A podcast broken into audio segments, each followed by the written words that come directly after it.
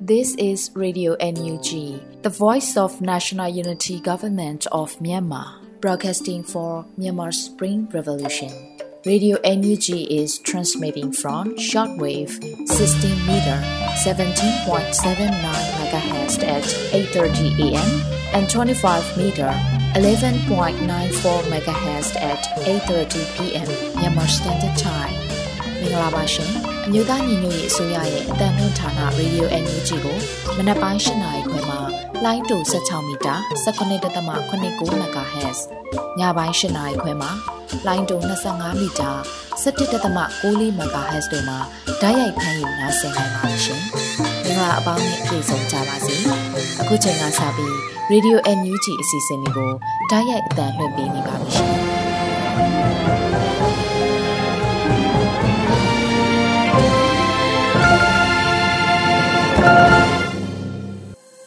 မြန်မာနိုင်ငံသူနိုင်ငံသားအပေါင်းတဘာဝပေးဆရာနာရှင်ပေတို့ကနေကင်းဝေးပြီးကိုစိတ်နှပါဘေးကင်းလုံခြုံကြပါစေလို့ရေဒီယိုအန်ယူဂျီဖွယ်သားများကဆုတောင်းမေတ္တာပို့သလိုက်ရပါတယ်ရှင်။အခုချိန်ကစပြီးကာကွယ်ရေးဝန်ကြီးဌာနရဲ့စီရေးသတင်းချင်းချုပ်ကိုတော့ຫນွေဦးလင်ကမှဖတ်ကြားတင်ပြပေးပါမယ်။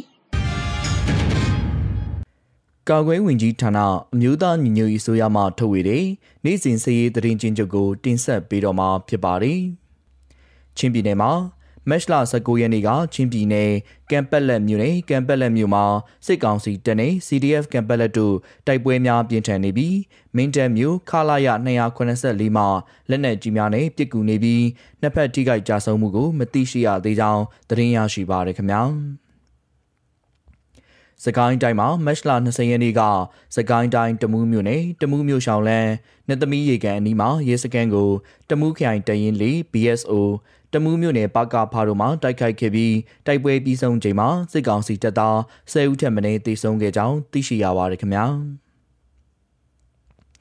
မက်လ20ရက်နေ့ကသကိုင်းတိုင်းကလေးမြို့နယ်ဟာခါလီကျွာမှာစစ်ကောင်စီတပ်သား100ခန့်နဲ့ကလေး KI PDF တရင်တီ CNDF ကလေးမြို့နယ်ပကဖားတို့ထိတွေ့တိုက်ပွဲဖြစ်ပွားခဲ့ပြီးနှစ်ဖက်ထိခိုက်ကြဆုံးမှုမသိရှိရသေးကြောင်းသတင်းရရှိပါရခင်ဗျာ။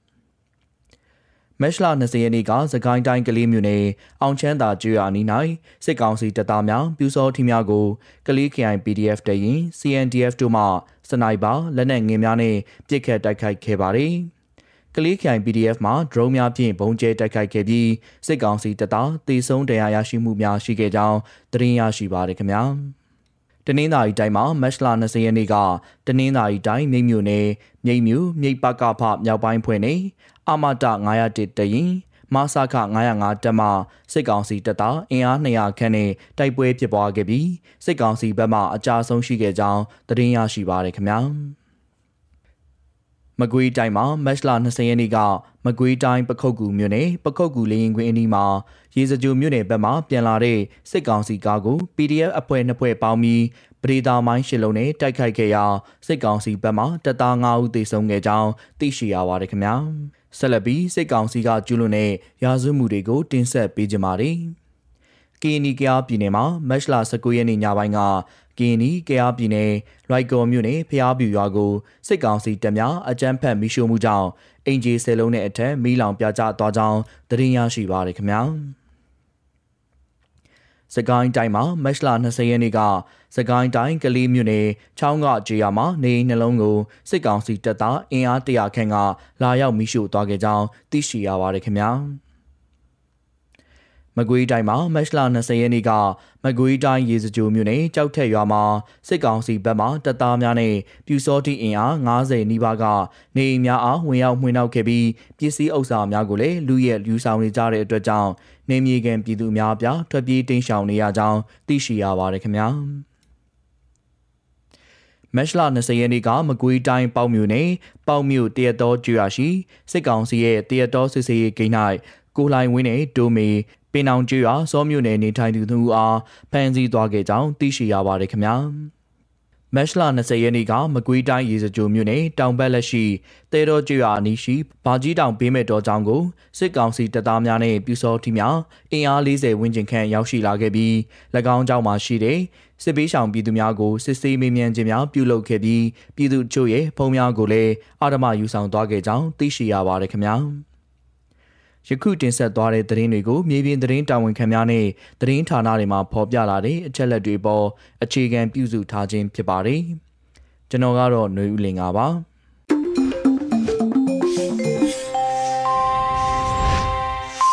အခုဆက်လက်ပြီးနောက်ဆုံးရသတင်းများကိုတော့နှွေဦးနှင်းစီမှဖတ်ကြားပေးပါမယ်ရှင်။ အခုချိန်မှစပြီးမတ်လ22ရက်နေ့မနက်ခင်းသတင်းများကိုဖတ်ကြားပါတော့မယ်။ဤသတင်းများကိုရေဒီယို UNG သတင်းတာဝန်ခံများနဲ့ခိုင်လုံသောမိတ်ဖက်သတင်းရင်းမြစ်များစီမှအခြေခံတင်ပြထားခြင်းဖြစ်ပါတယ်ရှင်။ 34နှစ်ပြည့်ချင်းမျိုးသားတော်လှန်ရေးနေ့အခမ်းအနားကို UNG နဲ့ CNCC ကိုယ်စားလှယ်များတက်ရောက်ခဲ့တဲ့သတင်းကိုတင်ဆက်ပေးပါမယ်။34နှစ်ပြည့်ချင်းအမျိုးသားတော်လှန်ရေးနေ့အခမ်းအနားကို UNG နဲ့ CNCC ကိုယ်စားလှယ်များတက်ရောက်ခဲ့တယ်လို့သတင်းရရှိပါရယ်။မတ်လ20ရက်နေ့34နှစ်ပြည့်ချင်းအမျိုးသားတော်လှန်ရေးနေ့အခမ်းအနားကိုချင်းအမျိုးသားတအူဤစခန်းတနေရာမှာကျင်းပခဲ့တာဖြစ်ပါတယ်။ 34နှစ်ပြည့်ချင်း Revolution Day ချင်းအမျိုးသားတော်လှန်ရေးနေ့အခမ်းအနားကိုချင်းအမျိုးသားတအူဤစခန်းတနေရာတွင်ကျင်းပခဲ့ပြီး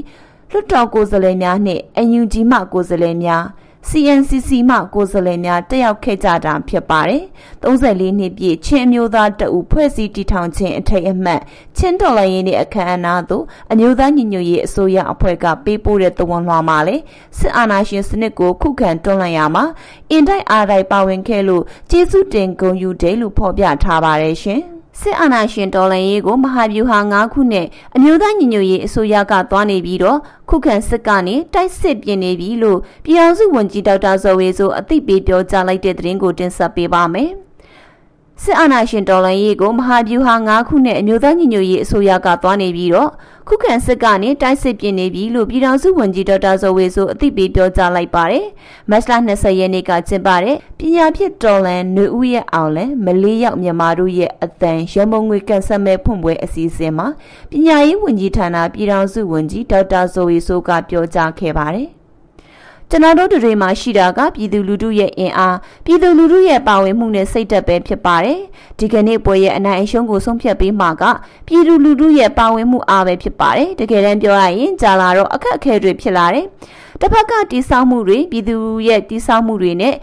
UNG UNCC ဖြစ်လာတယ်။အဲ့ဒီတိစောက်မှုတွေအပေါ်မှာမူတည်ပြီးတော့ကျွန်တော်ပြောပြောနေတဲ့မဟာဗျူဟာ၅ခုတစ်ခုပြီးတစ်ခုလုံနေတာပဲအားကောင်းနေတယ်တိုးတက်နေတယ်။နောက်တစ်ခုကအခုဆို ခုခံတော်လှန်စစ်ကနေတိုက်စစ်သွားဖို့ပြင်နေတယ်။ပြည်သူရင်ခွင်ဆိုလဲထပ်ပြီးထွက်လာတာအများကြီးပဲလို့ဝန်ကြီးကဆိုပါတယ်။2021ခုနှစ်စက်တင်ဘာလ9ရက်နေ့မှာစစ်အာဏာရှင်ကိုခုခံတွန်းလှန်ဖို့အမျိုးသားညီညွတ်ရေးအစိုးရဟာနိုင်ငံကိုရေးပေါ်အခြေအနေကြီးညာခဲ့ပါတယ်။လက်ရှိမှာစစ်ကောင်စီတပ်များဟာစကိုင်းတိုင်းကရင်နီဒေသနဲ့ကရင်ပြည်နယ်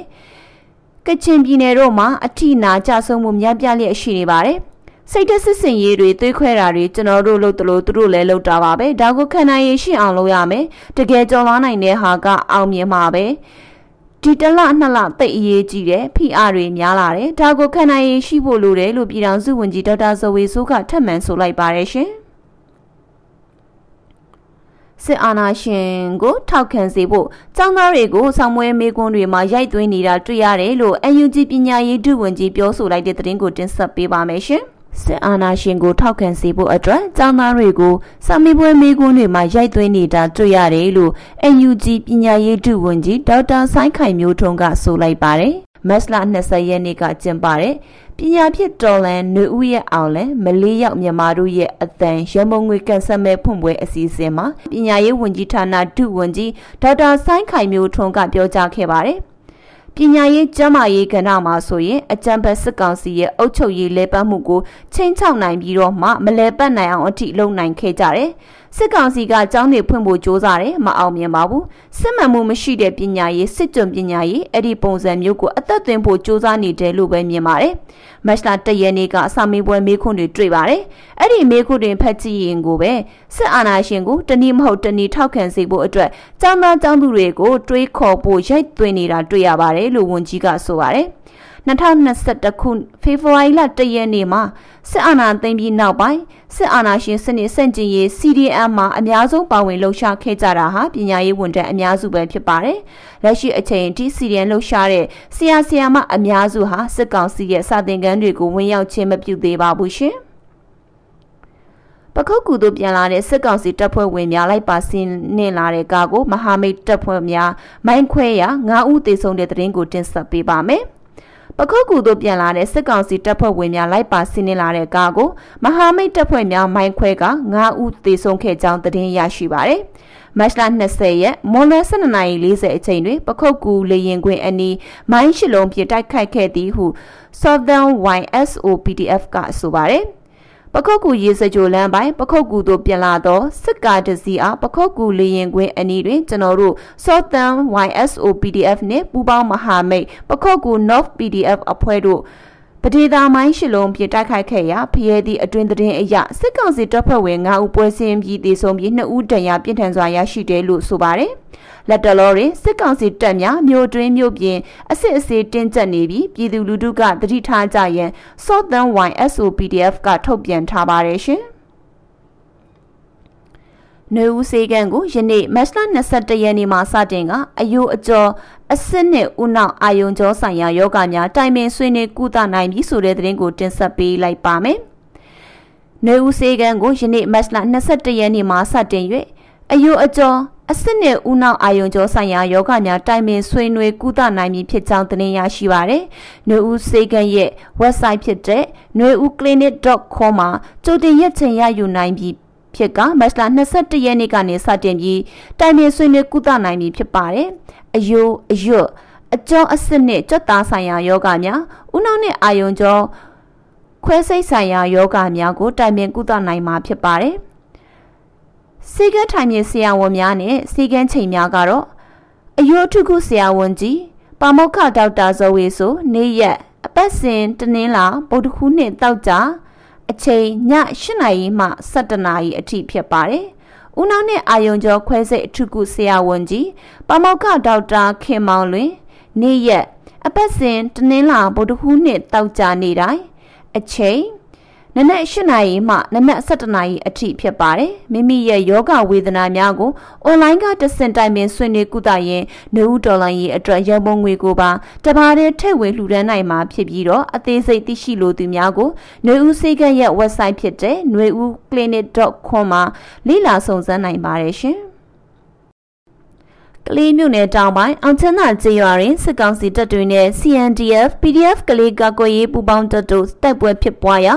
စစ်တပ်က9ဦးသေဆုံးတဲ့တဲ့ရင်ကိုတင်ဆက်ပေးပါမယ်။ကလေးမျိုးနယ်တောင်ပိုင်းအန်ချန်တာကျေးရွာတွင်စစ်ကောင်စီတပ်တွေနဲ့ CNDF PDF ကလေး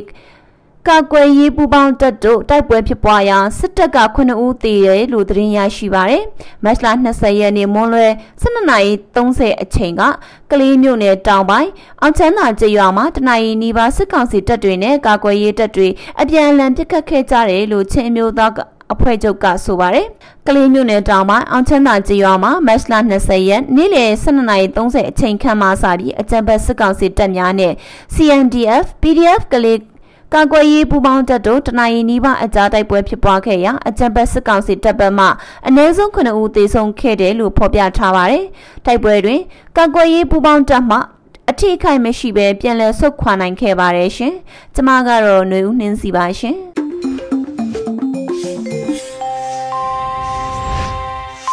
ရေဒီယိုအန်ယူဂျီရဲ့ပရိသတ်တွေကိုဆက်လက်ပြီးတင်ဆက်ပေးမှာကတော့ပြည်သူခုခံတော်လှန်စစ်တရင်များဖြစ်ပါတယ်။ကျော်နေဦးမှဖတ်ကြားပေးပါမယ်ရှင်။ပထမဦးစွာရေစကြိုနဲ့ကြောက်ထုမှာစစ်ကောင်စီတပ်ဖွဲ့ဝင်များမိုင်းဆွဲတိုက်ခိုက်ခံရပြီးစစ်သားရှိဦးသေဆုံးတဲ့တရင်ကိုတင်ဆက်မှာပါ။မကွေးတိုင်းပခုတ်ကူရေစကြိုလမ်းပိုင်းရှိပခုတ်ကူမြို့သို့ပြန်လာတဲ့အကြမ်းဖက်စစ်ကောင်စီတပ်ဖွဲ့များလိုက်ပါလာသည့်ကားတစ်စီးကိုယနေ့မတ်လ20ရက်နေ့မွန်းလွဲ12:40မိနစ်ခန့်မှာ ပခုတ်ကူလေရင်ကွင်းနီးဒေသခံကာကွယ်တပ်ဖွဲ့နှစ်ဖွဲ့ကမိုင်းဆွဲတိုက်ခိုက်ခဲ့ပြီးစစ်သား9ဦးသေဆုံးခဲ့ကြောင်း Southern YSO PDF တပ်ဖွဲ့ထံမှသိရပါဗျ။အဆိုပါအကြမ်းဖက်စစ်ကောင်စီတပ်ဖွဲ့များကို Southern YSO PDF နဲ့ပခုတ်ကူ North PDF တပ်ဖွဲ့တို့ကပဒေသာမိုင်းရှစ်လုံးဖြင့်ဖောက်ခွဲတိုက်ခိုက်ခဲ့ခြင်းဖြစ်ကာစစ်သား9ဦးပွဲချင်းပြီးသေဆုံးခဲ့ပြီး2ဦးပြင်းထန်ဒဏ်ရာရရှိခဲ့ကြောင်းသိရတာပါ။အလားတူ မကွေးတိုင်းပခုတ်ကူကြောက်ထုလမ်းပိုင်းမှာအကြမ်းဖက်စစ်ကောင်စီခြေလျင်စစ်ကြောင်းကိုမတ်လ18ရက်နေ့ည7:30မိနစ်မှာ People's Defense Force ထီလင်း Your Region တပ်ဖွဲ့ကမိုင်းဆွဲတိုက်ခိုက်ခဲ့ပြီးစစ်သား3ဦးသေဆုံးခဲ့ကြောင်းသိရပါတယ်။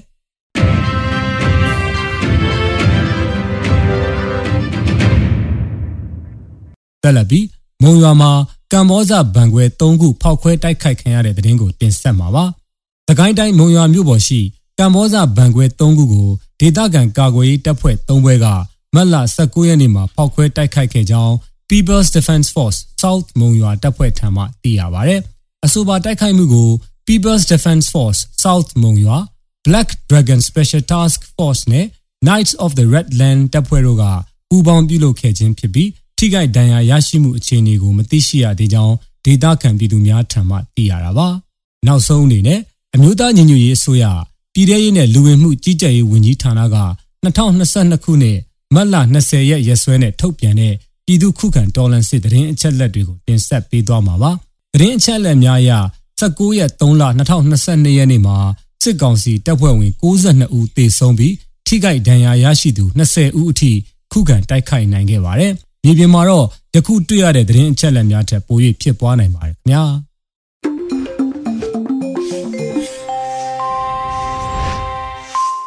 ရေဒီယိုအန်ယူဂျီမှဆက်လက်တမ်းလွှင့်ပေးနေပါတယ်။အခုဆက်လက်ပြီးမိုးလေဝသရေးပေါ်ခြေအနေထုတ်ပြန်ချက်ကိုတော့အဲရီမှဖတ်ကြားတင်ပြပေးပါမယ်ရှင်။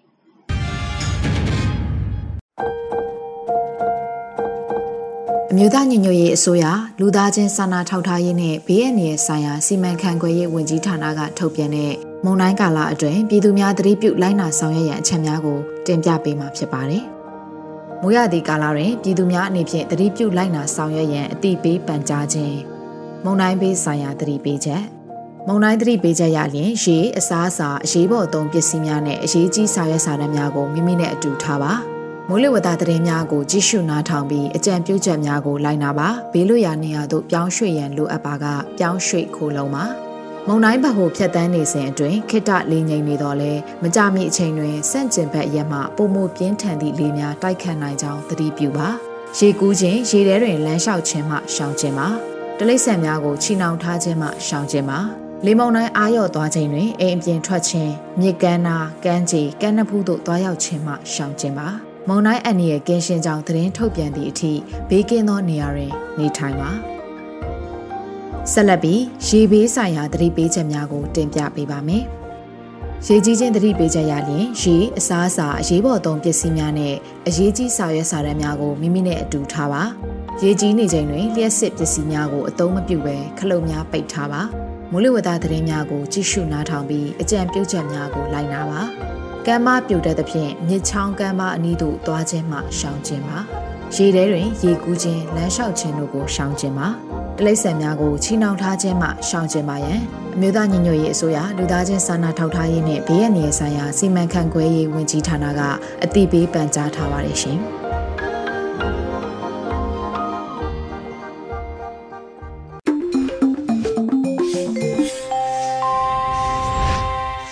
ဆက်လက်ပြီးတင်ဆက်ပေးမှာကတော့ PPTV ရဲ့နေ့စဉ်သတင်းများကိုထက်ထက်အင်ဒရာအောင်မှဖတ်ကြားပေးပါမယ်ရှင်။ ပထမဆုံးတင်ဆက်ပေးမှာကတော့ချင်းတိုင်းရင်းသားတွေနဲ့အတူလွတ်လပ်မှုတန်းတူညီမျှမှုကိုယ်ပိုင်ပြဋ္ဌာန်းခွင့်အာမခံချက်ရှိတဲ့ Federal Democracy နိုင်ငံတော်တစ်ကိုတိစောက်ကြဖို့အတွက် CRPH ကတဝန်လွှာပေးပို့လိုက်တဲ့ဆိုတဲ့သတင်းပါ ဒီကနေ့ကြောက်တဲ့34နှစ်မြောက်ချင်းတော်လှန်ရေးနေ့မှာချင်းတိုင်းရင်းသားတွေနဲ့အတူပြည်သူတွေအားလုံးအတူတကွလက်တွဲပြီးတော့ຫນွေဦးတော်လှန်ရေးရဲ့အဓိကရည်မှန်းချက်တစ်ခုဖြစ်တဲ့ဆန္ဒရှင်စနစ်ကြဆုံရေးကိုစ조사ဆောင်ရွက်ကြမှာဖြစ်ပြီးတိုင်းသားပြည်သူအားလုံးအတွက်လွတ်လပ်မှုတန်းတူညီမျှမှုနဲ့ကိုယ်ပိုင်ပြဋ္ဌာန်းခွင့်တို့အာမခံချက်ရှိတဲ့အနာဂတ်ဖက်ဒရယ်ဒီမိုကရေစီနိုင်ငံတော်တစ်ကိုအမြန်ဆုံးအကောင့်ထဲပေါ်တိစောက်ကြဖို့အတွက်အလေးနက်တိုက်တွန်းပါတယ်ဆိုပြီးပြည်ထောင်စုလွှတ်တော်ကိုစားပြုကော်မတီကတဝန်လှပေးပို့လိုက်ပါတယ်။ အာဏာရှင်အဆက်ဆက်ကိုခုခံတော်လှန်ရင်းလွတ်လပ်မှုတန်းတူညီမျှမှုနဲ့ကိုယ်ပိုင်ပြဋ္ဌာန်းခွင့်အပြည့်အဝရှိတဲ့ချင်းပြည်တော်တည်ထောင်ရင်း Federal Democracy ပြည်ထောင်စုတည်ဆောက်ရေးတို့အတွက်ချင်းမျိုးသားတပ်အုပ်ကိုဖွဲ့စည်းပြီးလက်နက်ကင်တော်လှန်ရေးစတင်ခဲ့တာ34နှစ်တိုင်ခဲ့ပြီလို့ဆိုထားပါတယ်။ ဒီကနေ့ကြောက်တဲ့ချင်းတော်လှန်ရေးနေ့မှာပြည်ထောင်စုချင်းတိုင်းရင်းသားတွေနဲ့အတူပြည်သူတွေမျှော်မှန်းတောင်းတနေတဲ့ Federal Democracy နိုင်ငံတော်တစ်ကိုအမြန်ဆုံးတည်ဆောက်နိုင်ပါစေကြောင်းစုမကောင်းတောင်းထားတာကိုတွေ့ရပါတယ်။ဘာသာစကားပေါ်ကျွယ်ဝပြီးတော့သူ့ကျွန်မခံလို့တဲ့စိတ်၊နေကျဆန့်ကျင်ရေးစိတ်ဓာတ်နဲ့အမျိုးသားရေးစိတ်ဓာတ်တို့ပြေဝတဲ့ချင်းတိုင်းရင်းသားပြည်သူတွေ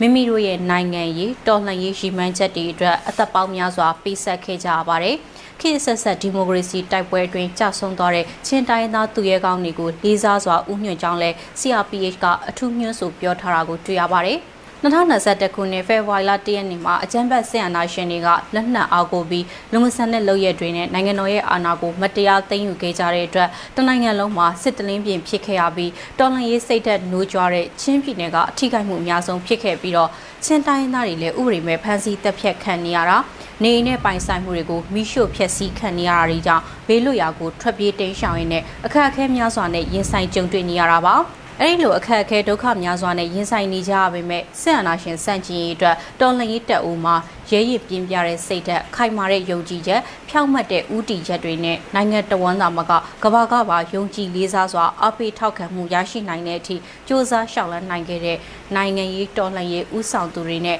ချင်းတိုင်းသားပြည်သူလူထုတို့ရဲ့စီလုံးညီညွတ်မှုကို CRPH ကလေးစားစွာအတိအမှတ်ပြုဖော်ပြထားတာကိုတဝန်လာမှတွေ့ရပါတယ်။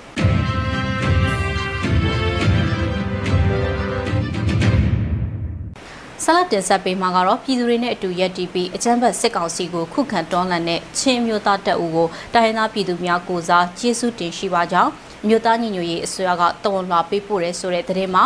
ချင်းမျိုးသားတပ်ဦးကပြည်သူနဲ့အတူရက်တီးပြီးအာနာသိန်းစစ်ကောင်စီကိုခုခံတွန်းလှန်တာကိုပါဝင်ဦးဆောင်လျက်ရှိတာကိုတွေ့ရတဲ့အတွက်တိုင်းရင်းသားပြည်သူများကိုစားများစွာကျေးဇူးတင်ဂုဏ်ပြုတယ်လို့အမျိုးသားညီညွတ်ရေးအစိုးရက34နှစ်ပြည့်ချင်းမျိုးသားတပ်ဦးဖွဲ့စည်းတည်ထောင်ခြင်းအထိမ်းအမှတ်နေ့ဖြစ်ပေးပို့တဲ့တုံ့လွှာမှာဖော်ပြလိုက်တာပါ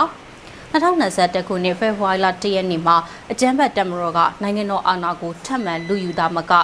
အာဏာသိမ်းမှုကိုအကြမ်းဖက်ဆန့်ကျင်ကြတဲ့နိုင်ငံသူနိုင်ငံသားတိုင်းသားပြည်သူတွေကိုအကြမ်းဖက်နေနေတာမတရားဖမ်းဆီးတပ်ဖြတ်တာပြည်သူတွေရဲ့အသက်အိုးအိမ်စီးစိမ်ကိုလူယူဖျက်ဆီးတာလူခွင့်ရေးချိုးဖောက်တာအဆရှိတာတွေကိုပြုလုပ်နေတာကြောင့်ချင်းမျိုးသားတအုပ်ကပြည်သူနဲ့အတူရက်တီးပြီးအာဏာသိမ်းစစ်ကောင်စီကိုခုခံတော်လှန်ရေးမှာပါဝင်ဦးဆောင်လျက်ရှိတာကိုတွေ့ရလို့တိုင်းသားပြည်သူများကိုစားများစွာကျေးဇူးတင်ဂုဏ်ယူလျက်ရှိရဲလို့တုံ့လာမှာဖော်ပြရေးသားထားပါတယ်။ ဒီကနေ့ကြောက်တဲ့ချင်းမျိုးသားတပ်ဦးဖွဲ့စည်းတည်ထောင်ခြင်း34နှစ်မြောက်အထူးနှစ်မြတ်အချိန်ခါသမယမှာချင်းမျိုးသားတပ်ဦးမှာရဲဘော်ရဲဘက်တွေအားလုံးကိုစိတ်နှပြကျမ်းမာလုံခြုံပါစေလို့စုမုံကောင်းတောင်းထားတာကိုလည်းတွေ့ရပါတယ်။ 1988ခုနှစ်မတ်လ20ရက်နေ့ကစတင်ခဲ့တဲ့ချင်းမျိုးသားတပ်ဦးဖွဲ့စည်းတည်ထောင်တဲ့နေ့မှာဆက်အနာရှင်စနစ်ပပျောက်ရေးချင်းမျိုးသားလွတ်မြောက်ရေးနဲ့ Federal Democracy ပြည်ထောင်စုတည်ဆောက်ရေးကြိုးပမ်းမှုဆိုင်ရာချင်းတော်လှန်ရေးနေ့ရဲ့အမှတ်တညာနေ့ရက်လည်းဖြစ်တယ်လို့အမျိုးသားညီညွတ်ရေးအစိုးရကဖော်ပြထားပါတယ်။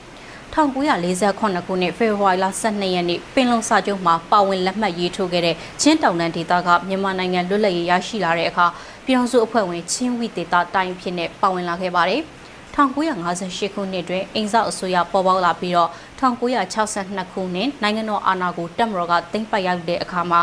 1990ပြည့်နှစ်ရွေးကောက်ပွဲရလဒ်ကိုတက်မတော်ကညှင်းပယ်လိုက်တာအဆရှိတာတွေကြောင့်ချင်းလူမျိုးတွေအပါအဝင်တိုင်းသားလူမျိုးတွေရဲ့ Federal Democracy နိုင်ငံထူထောင်ရေးရည်မှန်းချက်ကလည်းမှိမ့်မှိန်ပြတ်ကွယ်သွားခဲ့ရတယ်လို့ဆိုထားပါတယ်။ ဒါအပြင်34နှစ်တာကာလအတွင်းချင်းမျိုးသားတပ်ဦးအားခေါင်းဆောင်မှုပေးခဲ့ကြတဲ့အဆက်ဆက်သောခေါင်းဆောင်တွေနဲ့တကွ34နှစ်တာကာလအတွင်းချင်းမျိုးသားတပ်ဦးရဲ့ဥဆောင်မှုအောက်မှာကိုကျိုးစွန်အသက်ပေးတာဝန်ထမ်းဆောင်ခဲ့ကြတဲ့ချင်းမျိုးသမီးအမျိုးသားအားလုံးကိုဂုဏ်ယူစွာဥညွတ်အလေးအမြတ်ပြုတယ်လို့ပေးပို့တဲ့တဝန်လာမှာဖော်ပြထားပါတယ်။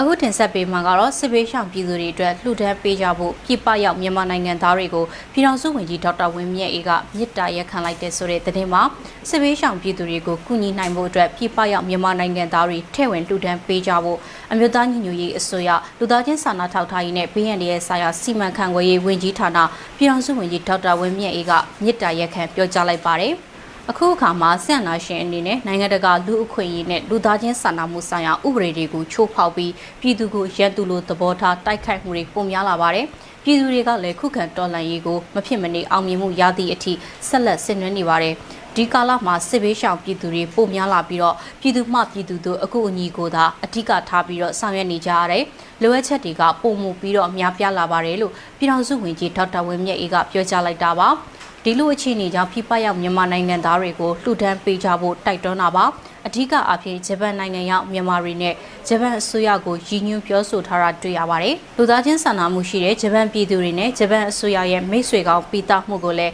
အလေးထားမျှော်လင့်ပါတယ်။စစ်ဘေးရှောင်မြန်မာပြည်သူတွေအတွက်ဝိုင်းဝန်းကူညီပေးကြဖို့မြစ်တာရက်ခံလိုပါတယ်။အောင်မြင်မှုခရီးမွေတော့ပါအားလုံးကိုကျေးဇူးတင်ပါတယ်လို့ပြည်ထောင်စုဝန်ကြီးကပြောကြားထားပါတယ်။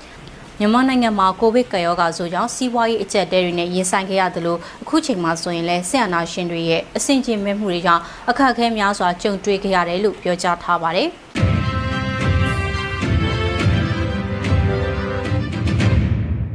အခုဆက်လက်တင်ဆက်ပေးမှာကတော့ကော့ဂရိတ်မြို့နယ်အတွင်းကစစ်ကောင်စီလက်ပါစီဝန်ထမ်းတွေကိုနေထိုင်ရာဒေသတွေစီပြန်သွားကြဖို့နဲ့မြို့ကန်ဝန်ထမ်းတွေကိုလည်းနှုတ်ထွက်ကြဖို့ KNU အမြဲတမ်းကော်မတီကသတင်းထုတ်ပြန်လိုက်တဲ့ဆိုတဲ့သတင်းမှာ ကရင်ပြည်နယ်ဒူးပလျာခရိုင်ကော့ဂရိတ်မြို့နယ်အတွင်းကအကြမ်းဖက်စစ်ကောင်စီလက်ပါစီဝန်ထမ်းတွေကိုမိမိတို့နေထိုင်ရာဒေသတွေစီကိုပြန်သွားကြဖို့နဲ့မြို့ကန်ဝန်ထမ်းတွေကိုလည်းတာဝန်ယူလှုပ်ဆောင်ပေးနေတာတွေကိုနှုတ်ထွက်ကြဖို့အတွက်ကော့ကရိတ်မြို့နယ်ကရင်အမျိုးသားအစည်းအရုံး KNU အမြဲတမ်းကော်မတီကသတင်းထုတ်ပြန်လိုက်ပါတယ်။ ထုတ်ပြန်ချက်ကိုမတ်လ18ရက်ရက်စွဲနဲ့ထုတ်ပြန်တာဖြစ်ပြီးတော့ကော့ကရိတ်မြို့နယ်အတွင်းစစ်ကောင်စီရဲ့လက်အောက်မှာတာဝန်ထမ်းဆောင်နေတဲ့အရက်ဖတ်ဌာနဆိုင်ရာအသီးသီးကဝန်ထမ်းတွေအလုံးကိုမိမိတို့နေထိုင်ရာဒေသအသီးသီးကိုအခုလိုစာထုတ်ပြန်တဲ့ရက်ကစပြီးတော့ထွက်ခွာသွားကြဖို့နဲ့ဒေသခံမြို့ခံဝန်ထမ်းတွေကလည်းစစ်ကောင်စီလက်အောက်မှာတာဝန်ထမ်းဆောင်နေတာကနေနှုတ်ထွက်ကြဖို့အတိပေးအကြောင်းကြားထားပါတယ်။ အခုထုတ်ပြန်ထားတာကိုလိုက်နာမှုမရှိဘဲပြက်ကွက်ခဲ့မယ်ဆိုရင်ဖြစ်ပေါ်လာမယ့်အကျိုးဆက်တွေကိုမိမိတို့အနေနဲ့တာဝန်ယူနိုင်မှာမဟုတ်ကြောင်းအသိပေးထားတာကိုလည်းတွေ့ရပါတယ်။ဒါအပြင်ထုတ်ပြန်ချက်ထဲမှာမြန်မာနိုင်ငံအတွင်းဖြစ်ပေါ်နေတဲ့အာဏာသိမ်းစစ်ကောင်စီရဲ့ဖိနှိပ်မှုနဲ့မှားယွင်းတဲ့လုပ်ရက်တွေကိုပြည်တွင်းပြည်ပပြည်သူလူထုတွေကနှီးမျိုးစုံနဲ့ဆန္ဒပြတော်လှန်နေကြတာကဘာအတိပဲလို့ဆိုထားပါတယ်။ ဒါကြောင့်ခရင်မျိုးသားစီရောဒုပလယာခရိုင်ကော့ကရိတ်နယ်မြေတွင်မှရှိတဲ့စစ်ကောင်စီရဲ့အုပ်ချုပ်ရေးရန်တရားလက်ပတ်မှုရပ်တန့်သွားစေရေးအတွက် KNU ကော့ကရိတ်မြို့နယ်အမြဲတမ်းကော်မတီဝင်တွေနဲ့မြို့နယ်အတွင်းက KNLA တပ်ရင်းအမှတ်18တရင်အမှတ်20ခွန်တရင်အမှတ်103တရင်အမှတ်201 KNDO လုံခြုံရေးတရင်နဲ့တပ်မဟာစစ်ကြောင်းခေါင်းဆောင်တွေရဲ့ညှိနှိုင်းသဘောတူညီချက်အရအခုလိုအသိပေးစာကိုထုတ်ပြန်ရတာဖြစ်တယ်လို့လည်းဖော်ပြထားပါတယ်။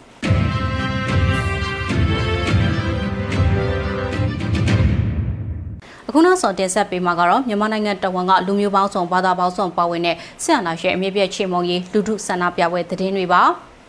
တောင်ကူမြို့တောင်ကူခရိုင်ကျောင်းသားများတက်မကဘကတာများအဖွဲ့ချုပ်နဲ့အထကတဲ့တောင်ကူကျောင်းသားများတက်မကဘကတာများအဖွဲ့ချုပ်တို့ပူးပေါင်းပြီးတော့ဒီကနေ့မှာဆရာနာရှင်စန့်ကျင်ရေးဆန္ဒပြလှုပ်ရှားမှုကိုပြုလုပ်ခဲ့ပါတယ်။ တောင်ကိုရီးယားနိုင်ငံဒဲဂူးမြို့မှာဒဲဂူးဆရာတော်ကဥဆောင်ပြီးတော့အကြမ်းဖက်ဖက်စစ်စစ်တပ်ရဲ့အာဏာသိမ်းမှုကိုအလိုမရှိတဲ့အကြောင်းဆန္ဒပြပွဲတွေပြုလုပ်ခဲ့ပါတယ်။ဆန္ဒပြပွဲမှာဒဲဂူးဆရာတော်ကအမျိုးသားညီညွတ်ရေးအစိုးရကိုရန်ပုံငွေများများထောက်ပံ့နိုင်ရေးအတွက်လည်းမိန့်ကြားမှုတွေပြုလုပ်ခဲ့ပါတယ်။စကိုင်းတိုင်းရင်းမပင်မြို့နယ်တွေကရင်းမပင်အရှိချမ်းနဲ့စလင်းကြီးမြောက်ချမ်းတို့ပူးပေါင်းထားတဲ့ရွာပေါင်းစုံတပိတ်ကလည်းဒီကနေ့မနက်မှာ383ရက်မြောက်အဖြစ်နဲ့ဆန္ဒပြချီတက်ခဲ့ပါတယ်။ မုံရမြို့မှာလူငယ်တွေဦးဆောင်ပြီးတော့ဆန်လာရှင်ဆန့်ကျင်ရေးဆန္ဒပြတပိတ်ကိုဒီကနေ့မနက်မှာပြုလုပ်ခဲ့ပါတယ်။ဆန္ဒပြပွဲကိုမုံရွာ Youth Revolutionary Force ရဲ့လူငယ်တွေကဦးဆောင်ခဲ့တာဖြစ်ပြီးတော့ဖိဖို့ကမင်းတို့တာဝန်ဆိုကြွဖို့ကငါတို့တာဝန်ဆိုတဲ့စာသားတွေကင်ဆောင်ပြီးဆန္ဒပြချီတက်လှည့်လည်ခဲ့တာဖြစ်ပါတယ်။ဒါကတော့ March 20ရက်နေ့ဆင်အနာရှင်အမြင့်ပြည့်ချီမုံရေးလူထုဆန္ဒပြပွဲသတင်းတွေကိုစူးစီးတင်ဆက်ပေးခဲ့တာဖြစ်ပါတယ်။ကျေးဇူးတင်ပါတယ်ရှင်။။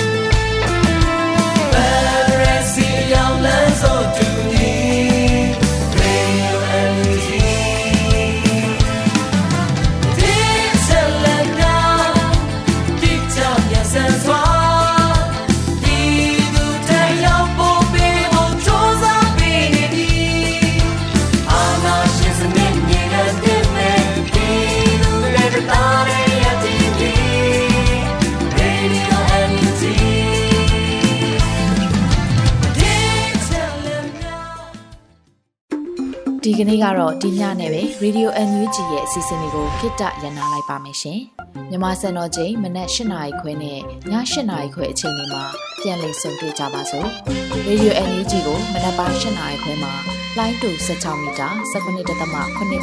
MHz ညပိုင်း၈နာရီခွဲမှာလိုင်းတူ25မီတာ17.6 MHz တို့မှာဓာတ်ရိုက်ဖမ်းလို့နိုင်စေနိုင်ပါပြီ။ မြန်မာနိုင်ငံသူနိုင်ငံသားတွေကိုစိတ်နှပြကျန်းမာချမ်းသာလို့ဘေးကင်းလုံခြုံကြပါစေလို့ Radio NUG အဖွဲ့သူဖွဲ့သားတွေကဆုတောင်းမြတ်တာပို့တာလိုက်ရပါတယ်ရှင်။အမျိုးသားညီညွတ်ရေးအစိုးရရဲ့စက်သွေးရေးသတင်းအချက်အလက်နဲ့လူပညာဝန်ကြီးဌာနကထုတ်လွှင့်နေတဲ့ Radio NUG ဖြစ်ပါတယ်။ San Francisco Bay Area အခြေစိုက်မြန်မာမိသားစုတွေနဲ့နိုင်ငံတကာကစေတနာရှင်လို့အားပေးနေတဲ့ Radio NUG ဖြစ်ပါတယ်။အရေးတော်ပုံအောင်ရမည်